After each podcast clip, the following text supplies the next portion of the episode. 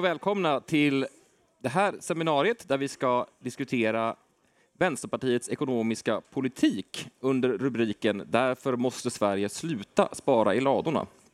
Sen Sedan 90-talet har det varit en given politisk sanning i Sverige att statens uppgift i de flesta lägen, för att inte säga alla lägen, är att hålla igen och fokusera på den finanspolitiska eh, stabiliteten. De senaste åren har det här börjat ändras något och diskussionen har återigen kommit upp om att ändra på det finanspolitiska ramverket. Vänsterpartiet presenterade i mars i år ett förslag om en klimatsatsning på 700 miljarder kronor där vi eh, föreslog ett moratorium för det finanspolitiska eh, ramverket. Och jag tänkte börja med att be Ali Esbati, ekonomisk politisk talesperson för Vänsterpartiet, att presentera lite mer hur vi har resonerat och tänkt kring de här sakerna. Tack. Eh, hörs det? Ja. Eh, jättefint att vara, vara här och att ni är här eh, och ska lyssna på det här seminariet. Eh, det är en bra eh, utgångspunkt, tänker jag, när man diskuterar ekonomisk politik generellt, att fundera lite över vad man, vad man har den ekonomiska politiken till. Eh, och eh, en rimlig utgångspunkt, tycker jag, och Vänsterpartiet, är att den ekonomiska politiken kan vara inriktad på eh, inte sig själv, utan på att försöka lösa olika problem som man kan identifiera finns i samhället. Så kan man diskutera på vilket sätt det kan göras. Så det är därför jag satte den rubriken, en ekonomisk politik för att möta samtidens stora eh, ekonomiska samhällsproblem eh, och göra några nedslag i det och, och, säga något om hur vi har resonerat om, om eh, hur inriktningen på den ekonomiska politiken bör eh, förändras. Eh, en eh, aspekt av, av situationen som vi har just nu och som diskuteras trots allt allt för lite, det är ju att vi har i Sverige en eh, väldigt hög arbetslöshet. Eh, det är eh, nästan som att vi har eh, vant oss vid eller accepterat att arbetslösheten måste vara på en mycket, mycket högre nivå än vad den var under eh, ett flertal decennier efter, eh, efter eh, andra världskriget.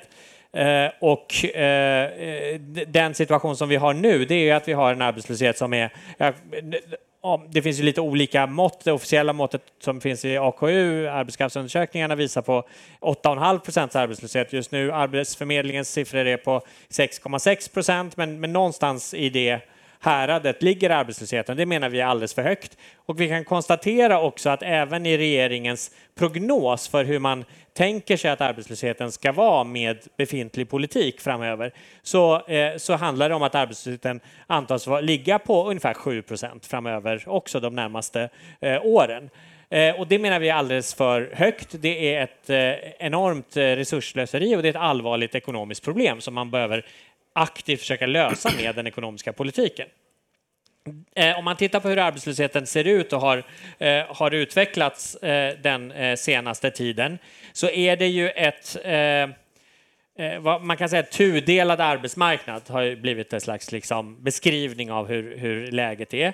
Det vill säga den arbetslöshet som framför allt har ökat är långtidsarbetslösheten.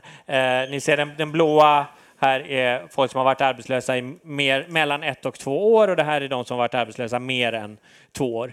Eh, och de har ökat eh, och liksom landat på en väldigt hög, eh, hög eh, nivå. Och för att ta sig an den problematiken så behöver man göra en mängd olika saker.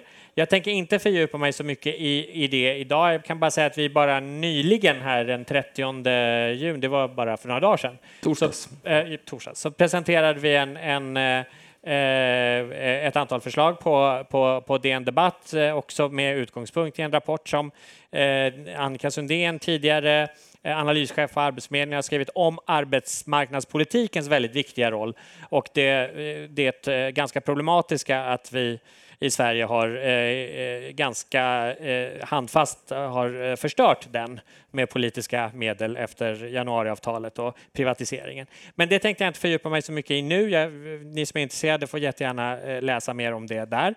Men vi ska också komma ihåg att även om det är så att det är långtidsarbetslösheten som har varit som är den, det stora problemet, den stora delen av, av arbetslöshetssiffrorna, så har vi också idag ett eh, ganska stort antal människor, eh, en eh, tredjedel ungefär av dem som var inskrivna på Arbetsförmedlingen i början av året, som både eh, har eh, en eh, gymnasial utbildning och varit arbetslösa ett år eller kortare.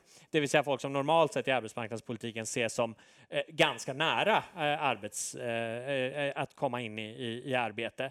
Man behöver inte gå igenom nödvändigtvis stor utbildning eller, eller på andra sätt så att säga förberedas för arbetsmarknaden. Där är det mer direkt beroende av hur efterfrågesituationen på arbetsmarknaden ser ut. Och där menar vi att där är det tydligt, också om man tittar historiskt, att det är eh, investeringstakten i ekonomin spelar väldigt stor roll för hur, eh, hur den eh, den arbetslösheten utvecklas.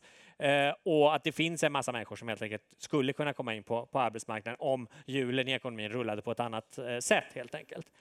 Vid sidan av det så har vi ju också eh, någonting annat som verkligen pekar framåt, ett enormt stort investeringsbehov i, eh, i vårt samhälle idag. Eh, och det är att vi har en eh, existentiell eh, kris. Och det vore ju rimligt om den ekonomiska politiken förhöll sig till det på något sätt, att vi håller på att förstöra livsbetingelserna för vår art. Att det borde liksom märkas i den ekonomiska politiken i alla fall lite grann. Och, och vi menar då att det är oerhört viktigt att notera vad det är för för områden där de territoriella utsläppen i Sverige är störst eh, och se om det finns saker vi kan göra för att lägga om på de, på de områdena. Och det som präglar de här områdena det är transport, bygg och fastighet, eh, eh energiförsörjningen till, till industrin. Eh, det är att det är områden där det är, eh, tror jag, uppenbart för de flesta att det är väldigt begränsat vad man kan göra med enskilda konsumtionsbeslut. Alltså även om man är väldigt intresserad av att det ska finnas ett robust elsystem som kan leverera el till eh, eh, nyindustrialisering i norra Sverige exempelvis, så är det svårt att tänka sig att man genom att köpa eller låta bli att köpa någonting på Konsum kan liksom fixa det, utan det behövs gemensamma tunga eh, eh, investeringsbeslut. Detsamma gäller eh, på, på byggområdet och eh, inte minst då på, transport, eh, på transportområdet. Vi har ett stort behov av att bygga upp, eh, bygga ut eh, eh, den, speciellt den spårbundna trafiken och att både att stärka befintliga banor som annars riskerar att behöva läggas ner Eh, och att bygga ut eh, ny eh, transportinfrastruktur i Sverige. Och det är på de här områdena, jag ska inte liksom hålla flera timmars föredrag här, men det är på de här områdena som vårt investeringspaket är tänkt att vara inriktat. Och vi har utifrån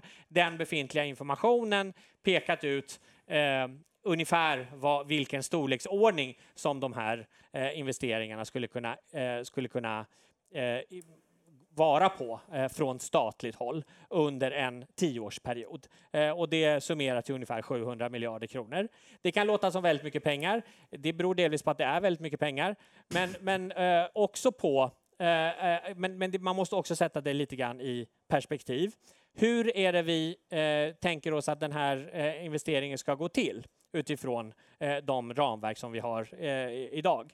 Och det är där vi kommer in på det förslaget som vi har lagt om att vi ska under en tioårsperiod, och den här tioårsperioden, säga att vi gör ett avsteg från det som är eh, det, som är det eh, överskottsmålet i det finanspolitiska ramverket, där vi har slagit fast nu att eh, statens finanser ska gå med överskott motsvarande en tredjedel av, av BNP eh, eh, över en eh, konjunkturcykel. Då. Eh, och det menar vi, det är inte adekvat. Det är inte någonting som, eh, som funkar speciellt bra med de behov som finns i ekonomin idag. Och att det finns underlåtelseskulder här som vi behöver ta tag i. Det vill säga det finns alltså alternativkostnader, problem med att inte investera som också behöver komma in i den här kalkylen.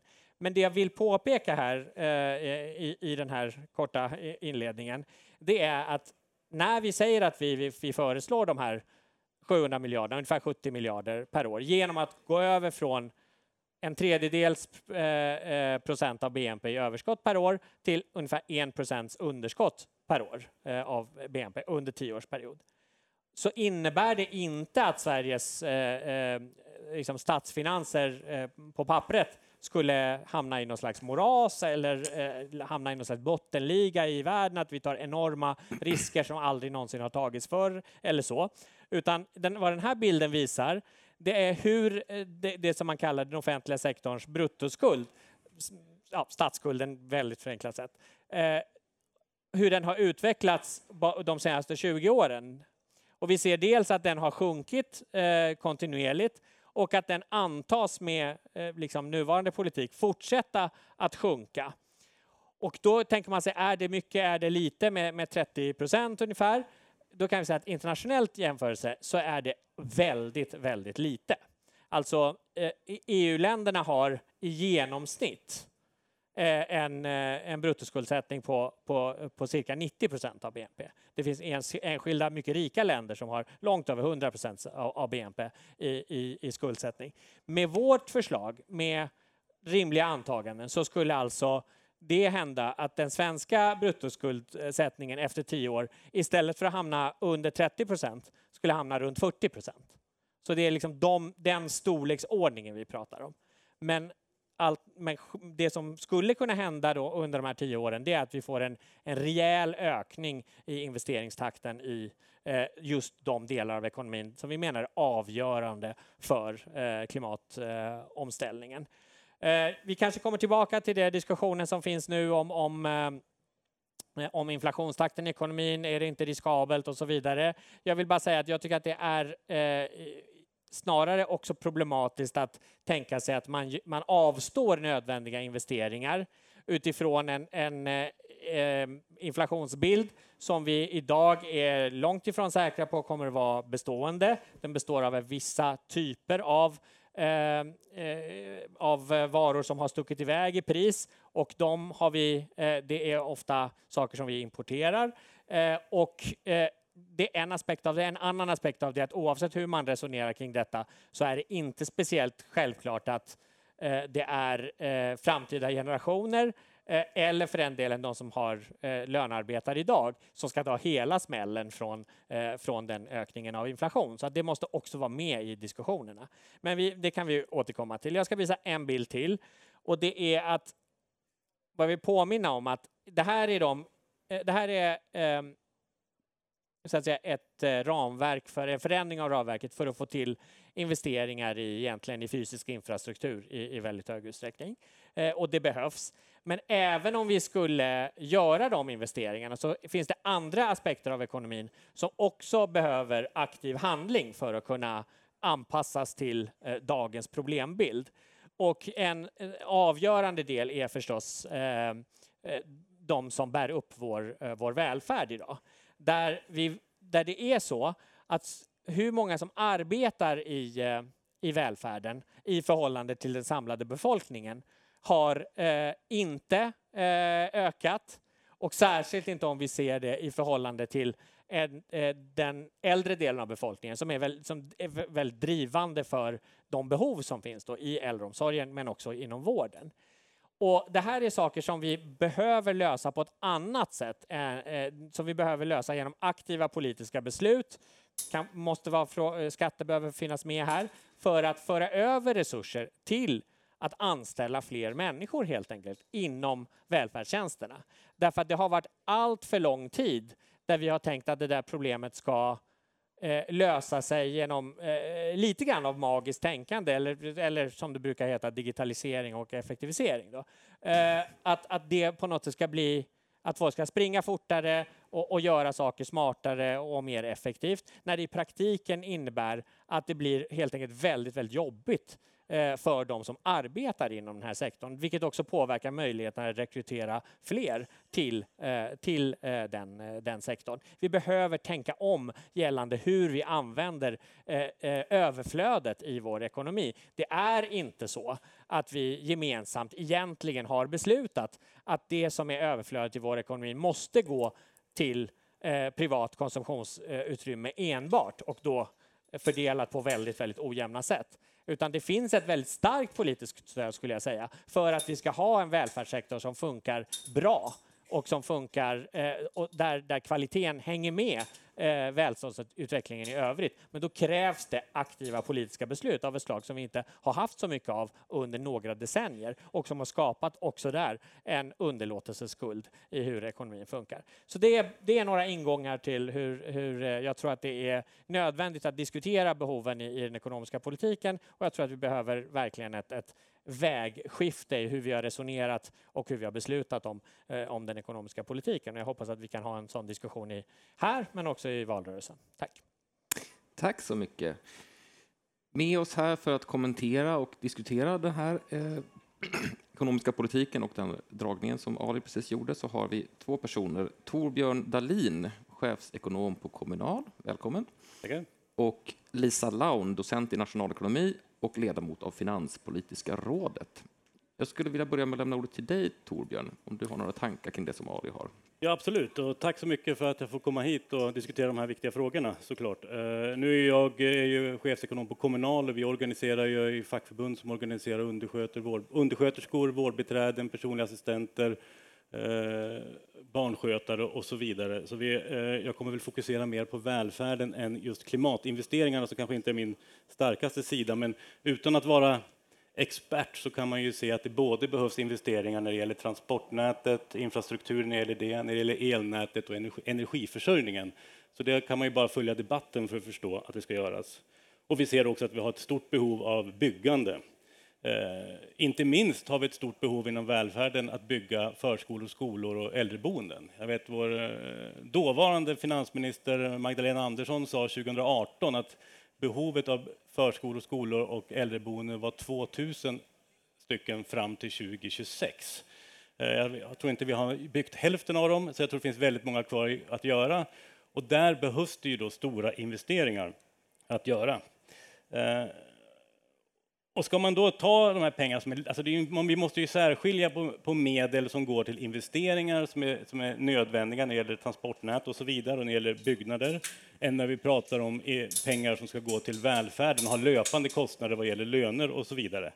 Eh, Kommunal har, sa någon gång, tror jag 2018, 2019, där vi gick fram med att vi menade på att man skulle ha ett balansmål i det eh, finanspolitiska ramverket.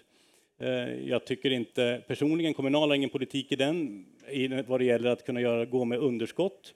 Men jag tycker ändå att det är kanske ändå en lockande tanke att vi går den vägen istället för som vi till exempel när vi gör med samhällsfastigheter idag försöker skapa kapital kortsiktigt från privata finansiärer som SBB och Hemsö och så vidare som i lång sikt ändå gör kostnaden mycket, mycket dyrare för medborgarna. Så det, det här tycker jag är en intressant tanke att titta på, eh, absolut. Men som jag sa, det är ju en skillnad på de här, eh, vi pratar investeringar utifrån infrastruktur och byggnader och när vi pratar till den löpande verksamheten när det gäller vård, skola och omsorg. Och idag så har vi en enorm underbemanning, vi kallar det en kronisk underbemanning inom välfärden under de senaste åren. Eh, Kommunal och LO har gett ut olika rapporter. Vi pratar om att det behöver underbemanningen ungefär idag motsvarar ungefär 50 000 heltidstjänster för att vi skulle få någorlunda drägliga arbetsvillkor. Och utöver det så behövs det 50 000 till på grund av pensionsavgångar och, eh, pensionsavgångar och på grund av befolkningsutvecklingen. Så någonstans under närmsta mandatperioden så behöver vi alltså anställa ungefär 100 000 till till den eh, svenska välfärden för att den ska fungera. Och det behövs verkligen. För jag menar, titta, vi Kommunal gjorde en undersökning bland eh, medlemmarna i Kommunal. Eh, 8000 undersköterskor och vårdbiträden fick svara på den enkäten. Och där säger bara en av fem att bemanningen är tillräcklig på sin, deras arbetsplats dagligen.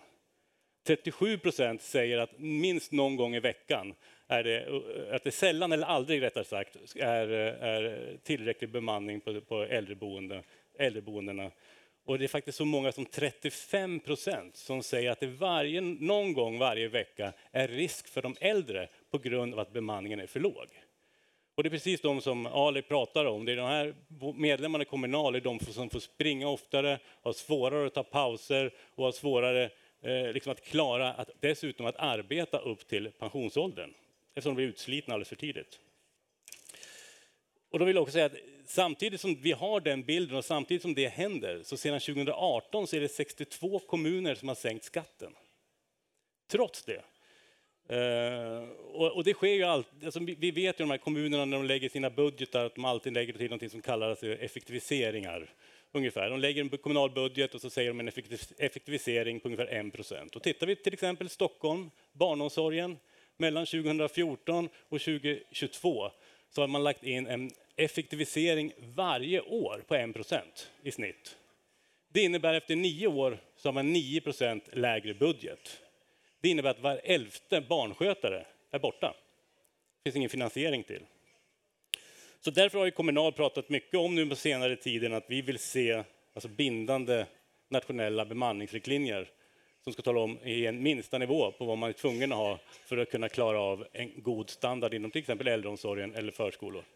Eh, och de handlar ju om att det ska vara personaltäthet, det ska handla om utbildning, det ska handla om att man ska ha tillsvidareanställning och så vidare. Och det här löser ju inte de här eh, att gå med underskott i, i statsbudgeten, men det ger ju i sin tur att om man inte behöver ta det från skatterna för att om, om, man inte gör det här utan ska använda de här pengarna för att betala av skulden eller någonting sådant så innebär det att det frigör ju ändå resurser för den löpande verksamheten också. Även om man som sagt inte ska finansiera den eh, med eh, underskott såklart i budgeten.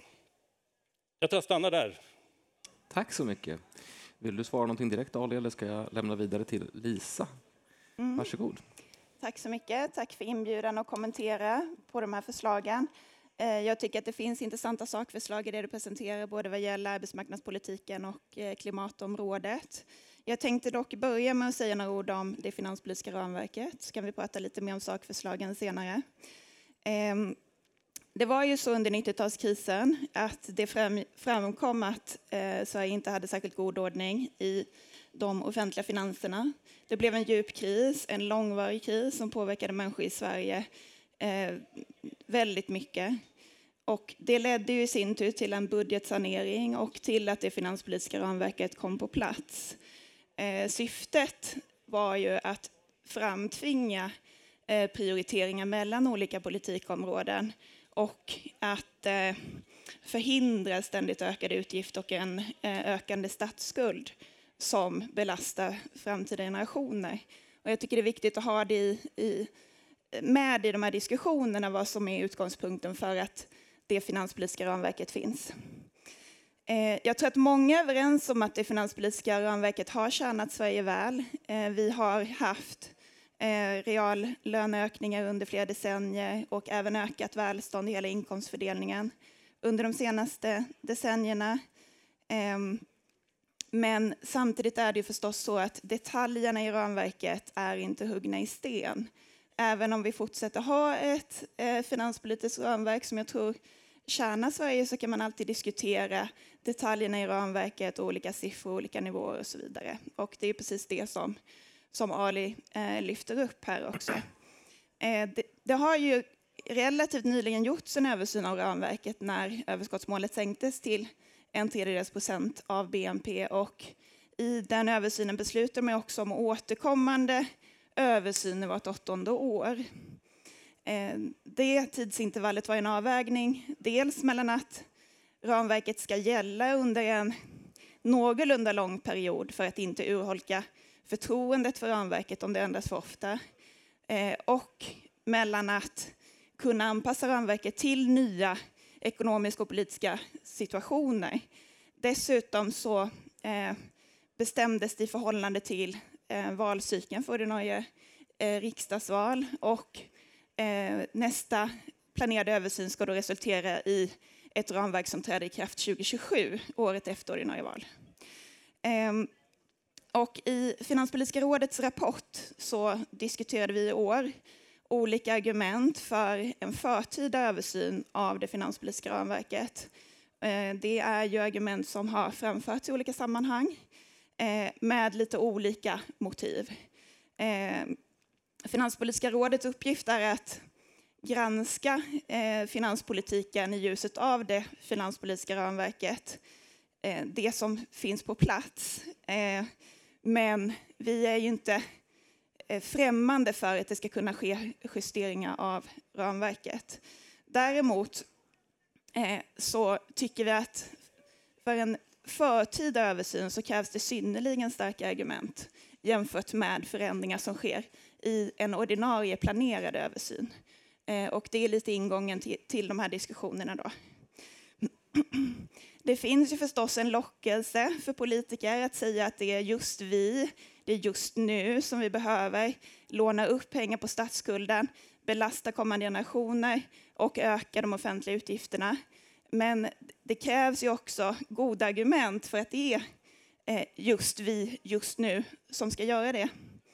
Eh, och ett sådant argument som man brukar lyfta upp det är att det finns ett kortsiktigt investeringsbehov, en investeringspuckel som inte är lämplig att ehm, finansiera via skattehöjningar eller omprioriteringar i befintlig budget för att det skulle slå för hårt.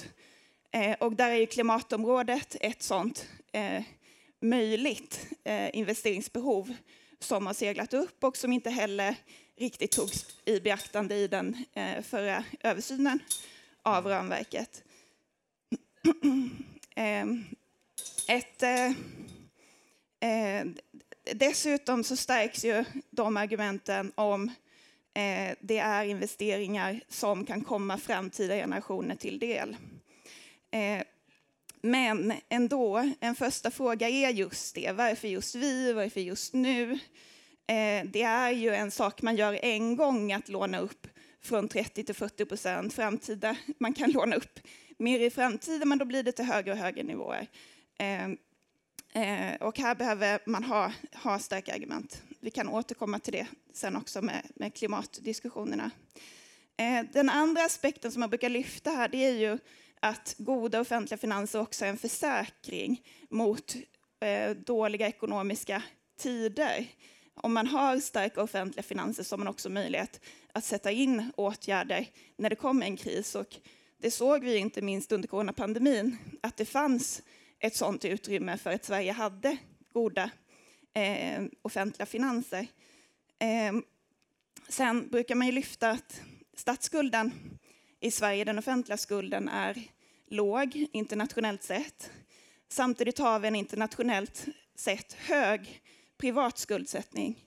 Och det är ett annat motiv för att ha en god reserv i de offentliga finanserna för att kunna motverka en framtida privat skuldkris. Eh, och jag undrar hur ni ser på det. Och kanske i synnerhet nu, givet de ekonomiska utsikterna som är just nu, med ganska stora nedåtrisker i ekonomin under de närmsta eh, åren. Eh, den tredje eh, poängen som är viktig att lyfta in och som du också lyfte in själv, Ali, eh, det är ju det här med inflationen. Eh, hur eh, är det motiverat att eller hur ser riskerna ut i att en snabb offentlig en snabb ökning av de offentliga utgifterna spär på den inflationen vi har och på det sättet gör svenskarna eh, fattigare genom att realinkomsterna minskar. Tack så mycket. Jag tänker att du, Ali, fick väldigt raka frågor här. Ja, nej men det är jätte, jättebra frågor. Jag, jag, alltså, det, går, det, kommer, det går att diskutera där från, från en mängd eh, olika håll. Liksom, det, vi har haft olika typer av kritik ska vi säga, mot, mot eh, det, det finanspolitiska eh, ramverket och vad det liksom leder till. Eh, en, en sak som jag verkligen liksom tror är viktigt att man ändå påpekar det är ju att om man säger att det ska alltså konstruktionen är till för att det ska tvinga fram prioriteringar. Och det låter, eh, det låter bra och rimligt och är i någon mån så.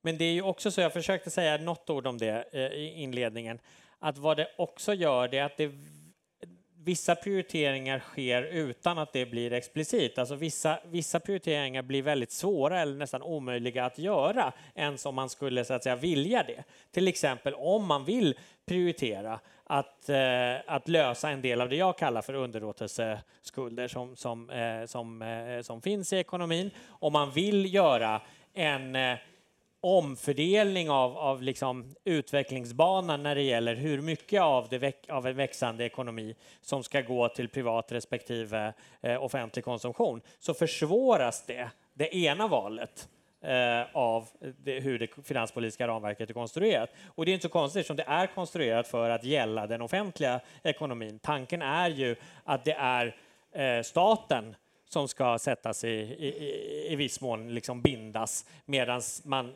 utgår då från att det, det, som sker på den privata marknaden det sker genom liksom, eh, en mängd olika val och därför blir det i princip per definition rationellt. Och det är inte alltid det är rimligt att resonera så, utan som jag var inne på så finns det en del problem som vi eh, inte kan lösa om vi eh, inte gör det med eh, offentliga investeringar. Om, om vi till exempel då kommer in på på det här med, med klimatinvesteringarna så är, det ju, så är det en dubbel sak där. Vi eh, är ganska övertygade utifrån liksom hur verkligheten ser ut att det blir en underinvestering i vissa typer av, eh, av eh, eh omställningsbehov.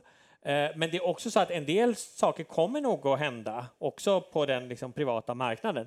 Men då finns det en annan aspekt av det, att det är kontrollen över det Eh, kommer då hamna på ett annat sätt än om vi, om vi gör offentliga investeringar. Och det är inte självklart att det är den typen av politiska val som, som svenska folket eh, vill göra. Till exempel om vi tänker oss att det kommer att finnas behov av, av stora investeringar i eh, spårbunden trafik eller i, i utbyggnad av e-, elnätet eh, och, och vi inte gör det genom svenska eh, offentliga eh, eh, investeringsinsatser så kan vi mycket väl stå där om, med tio år med att det är ja, kanske andra stater till exempel som via eh, det, liksom, eh, det, det, privata eh, eh, investeringsbehovet eh, så att säga äger och kontrollerar delar av vår infrastruktur. Och det finns andra problematiska aspekter med det som, som, som inte kanske då kommer upp på samma sätt i diskussionen. Eh, så det är också delvis svaret på varför nu. Det, det är att vi, eh, för, för, min del gärna för fem år sedan, men nu, nu, nu är vi nu. Eh, och sen, sen är det, eh, det frågan om, om försäkring. Ja, man kan väl kanske säga att alltså, allt annat lika så, så, så är det, eh, och vid en krissituation kanske då bättre att ha eh, lägre statsskuld än högre. Men jag kan inte se att eh, det som hände i coronapandemin visade att det var ett väldigt starkt argument för att ha låg skuldsättning. Tvärtom så tycker jag att vi kunde se att det uppstod ganska stora problem att vi satt där med massa pengar men inte reala resurser där de behövde finnas. Visst kan vi då försöka införskaffa de reala resurserna med de pengar vi har. Men det tar ju tid och det är precis det man då kanske inte har om det uppstår en krissituation. Och jag tycker ändå att det är värt när vi får lite möjlighet att backa och titta på och jämföra till exempel olika länder Se, ställa oss frågan, var det verkligen så att till exempel andra industriländer med högre eller betydligt högre eh, offentlig skuldsättning inte kunde göra de saker de bestämde sig för att göra för att det fanns liksom finansiella restriktioner. Och det, jag är inte alls säker på att svaret på den frågan är entydigt ja. Eh, utan eh, utan eh, det, det, det, blir liksom... Det, det, här är liksom frågan hur värderar man pengar kontra, eh, kontra eh, reala resurser? Ja, det beror på hur, hur snabbt man behöver ha fram de reala resurserna. Då. Eh, sen är det jätteintressant fråga det här med privat skuldsättning kontra, kontra offentlig. Jag skulle ju säga att från, från mitt perspektiv så är den höga svenska privata skuldsättningsgraden, som är mycket oroväckande på många sätt, i väldigt hög utsträckning en aspekt av att vi har så pass låg offentlig skuldsättning. Därför att den låga offentliga skuldsättningen bland annat har gjort att vi har eh, underinvesterat i, i bostadsbyggande. Och det är i sin tur ett av skälen till att vi har väldigt höga bostadspriser. Och det är ju de höga bostadspriserna som i väldigt hög utsträckning är förklaringen till, eh, alltså det, det, är den stora massan av privat skuldsättning. Så eh, i, för, i min värld handlar det också rätt mycket om om riskfördelningen. Sen är det självklart så att vi kan inte tänka oss att vi bara byter rakt av en del av den privata skuldsättningen mot, mot offentlig. Så man måste ju vara försiktig, det håller jag med om. att Man, kan, man måste tänka på liksom, tidsaspekten där och risken för enskilda hushåll. Men eh, jag tycker inte att man kan, man kan säga att vi ännu mer måste eh, så att säga, föra en väldigt stram eh, offentlig eh, eh, en väldigt stram finanspolitik med hänvisning till eh, Eh, till att vi har hög eh, eh, privat skuldsättningsgrad om det är så att eh, den strama finanspolitiken bidrar till att det finns en, eh, eh en risk för att den privata skuldsättningsgraden behöver öka ännu mer. Så det, det, det, är, jag förstår absolut frågan, men jag, jag, är inte säker på att svaret är så, så enkelt. Och sen bara avslutningsvis när det gäller inflationen så Eh, så, så, tycker jag att det är en, eh, det är en viktig aspekt och liksom när det gäller eh, finjusteringen av den ekonomiska politiken. Absolut. Till exempel så finns det en mängd eh, saker som jag tycker behöver göras i ekonomin men som kanske man behöver skjuta lite på framtiden. Jag tänker till exempel på det här med eh, ränteavdragen apropå eh, liksom ökningen av, av den privata, liksom, alltså bolånepriserna. Men jag, jag jag menar igen att det är, eh, det, det, blir inte långsiktigt smart, tror jag, att med hänvisning till, eh, till in, dagens inflationssituation eh, låta bli att sätta igång de investeringar som vi bedömer är nödvändiga att göra över en lång period. Däremot så kommer det nog att behövas eh, hela tiden. Eh, att man gör väldigt konkreta avvägningar av kanske måste vi göra den här grejen istället för den här först. Eh, kanske kommer det finnas brist på arbetskraft inom vissa sektorer som gör att vi helt enkelt får skjuta vissa investeringar på framtiden och istället göra andra. Och det är därför då att avslutningsvis vi också i samband med det här förslaget har föreslagit att man behöver stärka det institutionella ramverket för investeringar. Vi behöver ha kanske en myndighet eh, som, som eh, har större liksom, övergripande koll på det här, eh, som, som ser till att möta eh, eh lite i förväg behoven av exempelvis kompetensutveckling inom vissa områden. Eh, det här är angenäma problem. Det är problem som är reella, men det är mer angenäma problem än att liksom sitta tillbaka och vänta och sen konstatera år efter år att klimatkatastrofen kommer närmare och det vore bra om saker hände, men nu, nu blev det inte så. Tack. Har du något svar på det direkt, Lisa? Ja, absolut. Nej, men, jag tycker du för intressanta resonemang och det kan vara så att, eh, att den privata skuldsättningen och den offentliga skuldsättningen går lite hand i hand på det sättet du säger. Jag köper det argumentet. Eh, jag tycker det är intressant att diskutera det här med klimatinvesteringarna lite mer. Eh, vi skrev ju då ett kapitel i årets rapport där vi diskuterade olika argument för en tidigarelagd översyn och vi konstaterade att klimatfrågan är det starkaste argumentet för att se över Eh, ramverket i förtid. Eh, det vi blev lite förvånade över eh, var att det inte egentligen fanns så tydliga sammanställningar av vilka offentliga utgifter som krävs de kommande åren för klimatomställningen. Och jag tycker det är väldigt bra att ni här konkretiserar det med, eh, med siffror kring eh, vilken storleksordning på investeringarna som, som det handlar om. Eh, vi gjorde själva en liten sammanställning av det som finns i olika förslag och som framförs av olika aktörer på det här området. Och eh, utifrån de klimatmål som finns, ska jag säga. Vi, eh, och eh, en viktig sak här det är ju att särskilja privata och offentliga investeringar, för ganska mycket av det som eh, diskuteras innebär de facto privata investeringar i olika typer av Eh, eh elnät och så vidare eller av andra privata aktörer. Ehm, dessutom så efterfrågas det i vissa fall inte alls offentliga investeringar utan snarare regelförändringar, eh, snabbare tillståndsprocesser och andra saker. Men vi försökte bena ut vad det, vad det handlar om just vad gäller de offentliga investeringarna och landade någonstans det som ligger på bordet nu med en prislapp på mellan 25 och 45 miljarder per år de kommande tio åren. Det i sig tyckte inte vi var en häpnadsväckande stor siffra. Eh, då, eh, eh, utan någonting som skulle kunna rymmas inom ordinarie budgetprocess möjligen.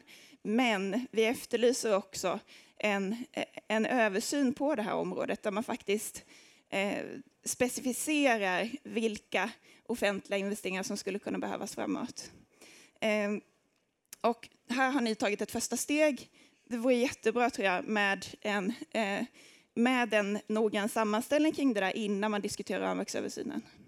Eh, sen vad gäller de satsningarna som ni pratar om på transportinfrastrukturen eh, så eh, ger det lite bilden av att ambitionsnivån inte har ökat nämnvärt, men i den nya eh, infrastrukturplanen som eh, eh, kom nu i maj så ligger det ju redan en ambitionshöjning på det här området och storleksordningen på transportinfrastrukturinvesteringarna är ungefär samma härad som det ni föreslår.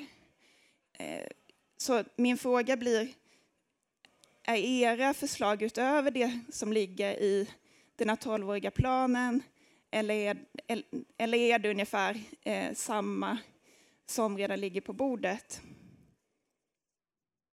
Eh, ett annat område som ni lyfter är ju el, eh, elproduktionen. Och där är det ju egentligen bara stamnäten som finansieras direkt av staten via Svenska kraftnät. Eh, de har ju också en plan på, eh, på eh, att utöka finansieringen framåt. De har dels kapacitetsavgifterna men, men lånefinansierar ju också på långa lån och så vidare. Så även där är det lite oklart exakt vad de offentliga investeringarna ska gå till. Och det var min andra fråga på det området. Torbjörn, vill du komma in också? Ja, nej, men det är väl man kan väl ändå konstatera att det behövs göras investeringar. Det behövs göras investeringar i transportnäten, när det gäller energiförsörjningen och så vidare. Och, på, någon, på något sätt ska ju de finansieras. Och tar man dem ifrån den budgeten som är idag så innebär ju det mindre resurser för till exempel kunna ge eh, bidrag, statliga bidrag till, eh, höja de generella bidragen till kommunerna för att kunna ha en, en, en, bra nivå vad det gäller välfärden. Så någonstans så måste vi ändå de här finansieras. Och tar de direkt ur budgeten ja, då försvinner ju möjligheten till, till att kunna finansiera eh, välfärden som ändå är underbemannad och faktiskt har ett stort behov av, av mer resurser. Och det tycker jag ju då, kommunal, och vi tycker ju att staten ska ta ett större ansvar. Om staten ska ta ett större ansvar så måste ju den göra det utifrån budgeten i de löpande kostnaderna. Och då är frågan, vad tycker man är viktigast? Då? Ska vi ha pengarna till att investera eller ska vi ha pengar till välfärden? Och det kanske då här ändå är en, en tanke att när det har så stora behov som det är, och det är svårt att förneka behoven i framförallt klimatinvesteringar, att under en period, kanske då, eller åtminstone se över det, det finanspolitiska ramverket. Eh, ja, det var flera eh, liksom bra och intressanta eh, frågor. Eh, när det gäller alltså, el och eh, transportinvesteringar så är jag medveten om att det finns, alltså, vi, vi, är ju inte de enda som har konstaterat att det finns stora behov, eh, så är det.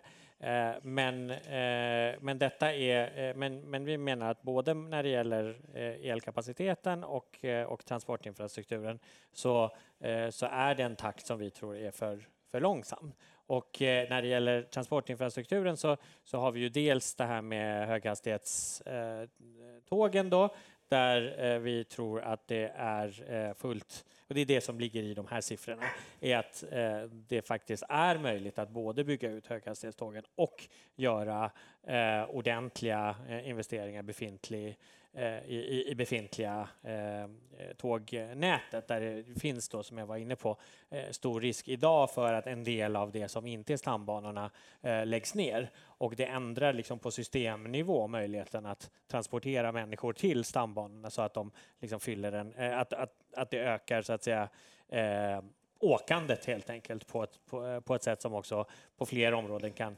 eh, eh, konkurrera ut flyget exempelvis. Då. Eh, så, eh, och när det gäller el, eh, eh, elkapaciteten så ska vi säga att det också ligger i de här siffrorna som, eh, eh, som vi har behovet av en än så länge ganska ospecificerad men stor summa som, som, där vi behöver ha på plats ett system för att ersätta kommuner menar vi för att snabba på processen med byggandet av vindkraft det ligger också i, i det här. Så det är, det är lite olika, eh, olika delar av det. Men vi är ju också väldigt öppna för att inom den här eh, ramen så ska vi både av Eh, skälet att det framkommer ny information och att det kan framkomma olika typer av bristsituationer eller man kan stöta på olika typer av problem. Att man kan kontinuerligt behöva så att säga eh, omvärdera liksom, innehållet i de här planerna. Men vi tror att storleksordningen bör ligga på, alltså det, det är det vi har räknat på så att säga, vad det skulle innebära om vi gick över till en 1 liksom, underskottsfinansiering under, under tio år. Men jag vill säga en lite mer övergripande sak. Alltså, hela, eh, en, Eh, finanspolitiska ramverket har ju olika delar som du var inne på, men just överskottsmålet har ju då motiverats med eh, i väldigt hög utsträckning med en äldre puckel, så att säga. Att vi, vi blir äldre och för att vi inte ska eh, stöta på problem eh, så ska Eh, så ska man då eh, under ett antal år lägga undan pengar då från det offentliga så att det inte blir problem när man kommer dit. Men nu är vi ju i väldigt hög grad där och vi har väldigt konkreta problem inom, eh, eh, inom äldreomsorgen till exempel, eh, då även delvis inom, inom, inom vården. Och, och då blir det väldigt liksom Ja, för, för det blir, menar jag, jag tror det är en fråga man måste ställa sig liksom samhällsekonomiskt i den politiska debatten. Är det så här vi vill ha det? Är det här, är det här den riktiga prioriteringen som vi som samhälle har valt? Eller vill vi ha det på ett, på ett annat sätt? Och jag tror att det är ganska många som skulle kunna tänka sig att man vill ha det på ett annat sätt. Att av, i en växande ekonomi eh, så är det rimligt att en högre andel av de samlade resurserna som går till att vi har en bättre äldreomsorg till exempel. Eh, och att det eh, är eh, rimligt att det får liksom genomslag i hur den offentliga ekonomin fungerar. Annars tycker jag att det blir, det ligger liksom i en konstig logik bakom att vi, vi, vi blir rikare och då har vi liksom på något sätt då inte råd med eh, en eh, offentlig välfärd som följer med med samma, eh, samma liksom kvalitetstakt. Och då blir, uppstår ju situationen, hur ska vi få råd? Jo, men det är om, om, vi har inte råd att göra det här tillsammans, men vi har råd att göra det var och en för sig. Och det, i, i det ligger ju ett väldigt dramatiskt politiskt vägval egentligen. Eh, och, och det, det, menar jag, det blir inte tillräckligt tydligt i den ekonomisk-politiska debatten. Jag tror man kan göra fortsätta längs den väg som vi har nu. Men det innebär vissa val när det gäller hur, eh, hur det som vi bjuder varandra på ser ut, så att säga, kontra det som vi tänker oss att var och en får liksom betala själv och därmed då att eh, ja, man får väldigt olika utfall. Eh, så, så är det ju. Man ska tänka sig att liksom semestern, det får man betala själv. Men då, då vissa kommer liksom till Bahamas och andra kommer bara till Borås.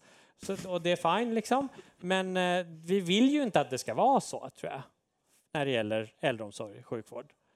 Eh, och då får vi liksom anpassa också våra ekonomiska system efter det om vi vill att det ska, eh, det ska vara så. Ja, standard. Tack så mycket. Jag tänkte öppna, vi har ungefär fem minuter på oss eh, för lite korta publikfrågor. Vi hinner väl med två i alla fall upp med en hand om det är någon som har en fråga att ställa. Eller så var det inte det. Då kan ni få... Ja, vi kan köra av. Ja. ja. Yes. Jag har faktiskt en fråga till dig. En fråga till dig från Kommunal. Eh, det här om att det saknas ungefär 50 000 heltidsanställda och jag har ju själv jobbat inom kommunala yrke. Det är ju ingen som jobbar heltid. Hur många huvuden skulle det vara liksom, på riktigt? Tack. Ja, vi vill att det ska vara 50 000 huvuden, för vi vill att de ska ha heltid. Så att, mm. så att, sen är vi bara matematiskt räkna på det, om det inte blir heltid, hur många, hur många det skulle vara. Men utifrån den sysselsättningsgrad som finns idag så skulle det i så fall göra, röra sig om ungefär 60 000 som skulle behövas, huvuden, om man skulle ligga kvar på 80-83 procent, eh, i alla fall inom äldreomsorgen. Så då skulle det behövas ännu fler. Sen kan ju en del av de huvudena, sådana 50 000, lösas via att förhoppningsvis att fler kan gå upp i heltid. Så då kanske inte ens behövs 50 000 utan lite, lite färre genom att vi kan lösa det på det viset.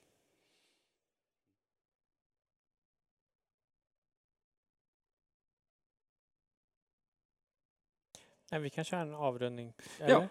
Vill ni runda av med några sista ord? Ja, angående det du senare sa, jag håller med om att det finns utmaningar inom offentlig sektor som, man, som är värda att fundera på. Jag håller också med om att långtidsarbetslösheten är ett problem som kan kräva strukturreformer framåt. Så att, eh, eh det är intressanta områden att diskutera vidare, helt klart. Sen hur det ska finansieras, det kan vi diskutera. Torbjörn? Ja, nej men, eh, absolut. För det första, vi behöver mer resurser till välfärden. Det är liksom inget, vill vi ha en fungerande välfärd, vill vi att den ska kunna leverera eh, den tryggheten och, och, standarden som vi faktiskt är förtjänta av, så behövs det mer personal. Eh, jag menar, idag har vi till exempel 140 000 individer som har valt att gå ner i arbetstid eller helt sluta jobba därför man ska ta hand om en nära anhörig, ge vård till en nära anhörig. Man litar inte längre på äldreomsorgen. Ja, men om vi kan få till det så har vi också väldigt mycket arbetskraft där som kan jobba om vi nu... Så det, vi gör något konstigt eh, spiral som går neråt nu, så nu måste vi ju satsa. Det handlar ju mycket om att utbilda de här som Ali pekade på, som, som står utanför arbetsmarknaden. För det är en sak, ska, man in, ska de här individerna in i vård, skola och omsorg så krävs det utbildning. Det är inget jobb du bara kan ta och gå från gatan och så jobba med, med äldre till exempel, eller med, med barn utan det krävs utbildning. Så det krävs ju också ett stort utbildningspaket i det här om vi ska liksom få ordning och reda på det här eh, igen. Men eh, ökad finansiering av välfärden kanske inte så konstigt att jag säger dock, men, men det vi, måste vi verkligen eh, se till att lösa på något sätt. Ja, nej men, eh, två saker. Det ena är att jag, jag tror att vi behöver liksom, eh, ställa oss frågan hela tiden, vad innebär det att vara ett rikt land? Eh, alltså det, det, vad, vad, hur ska den rikedomen manifesteras i våra liv och i våra eh, samhälleliga val och system? Det är det ena. Eh, eh, det andra är mer allmän reflektion, att jag tror att det är extremt bra för Sverige eh, och nu när vi går in i valrörelsen om våra ekonomisk-politiska diskussioner och konflikter och, och, och resonemang kan röra sig mer runt de här frågorna. För det här tror jag är liksom frågor som verkligen är genuint liksom viktiga i ett demokratiskt samtal, att kunna, kunna liksom föra in sina värderingar, ställa saker mot varandra, fundera över vad som är prioriteringar och så vidare.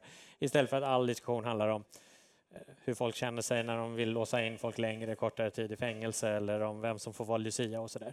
Eh, så att eh, det är ett väldigt, väldigt bra diskussion och tack så mycket för att ni kunde vara med och, och förstärka den här diskussionen. Tack, tack så mycket. Ja. Tack så mycket då. Då rundar vi av.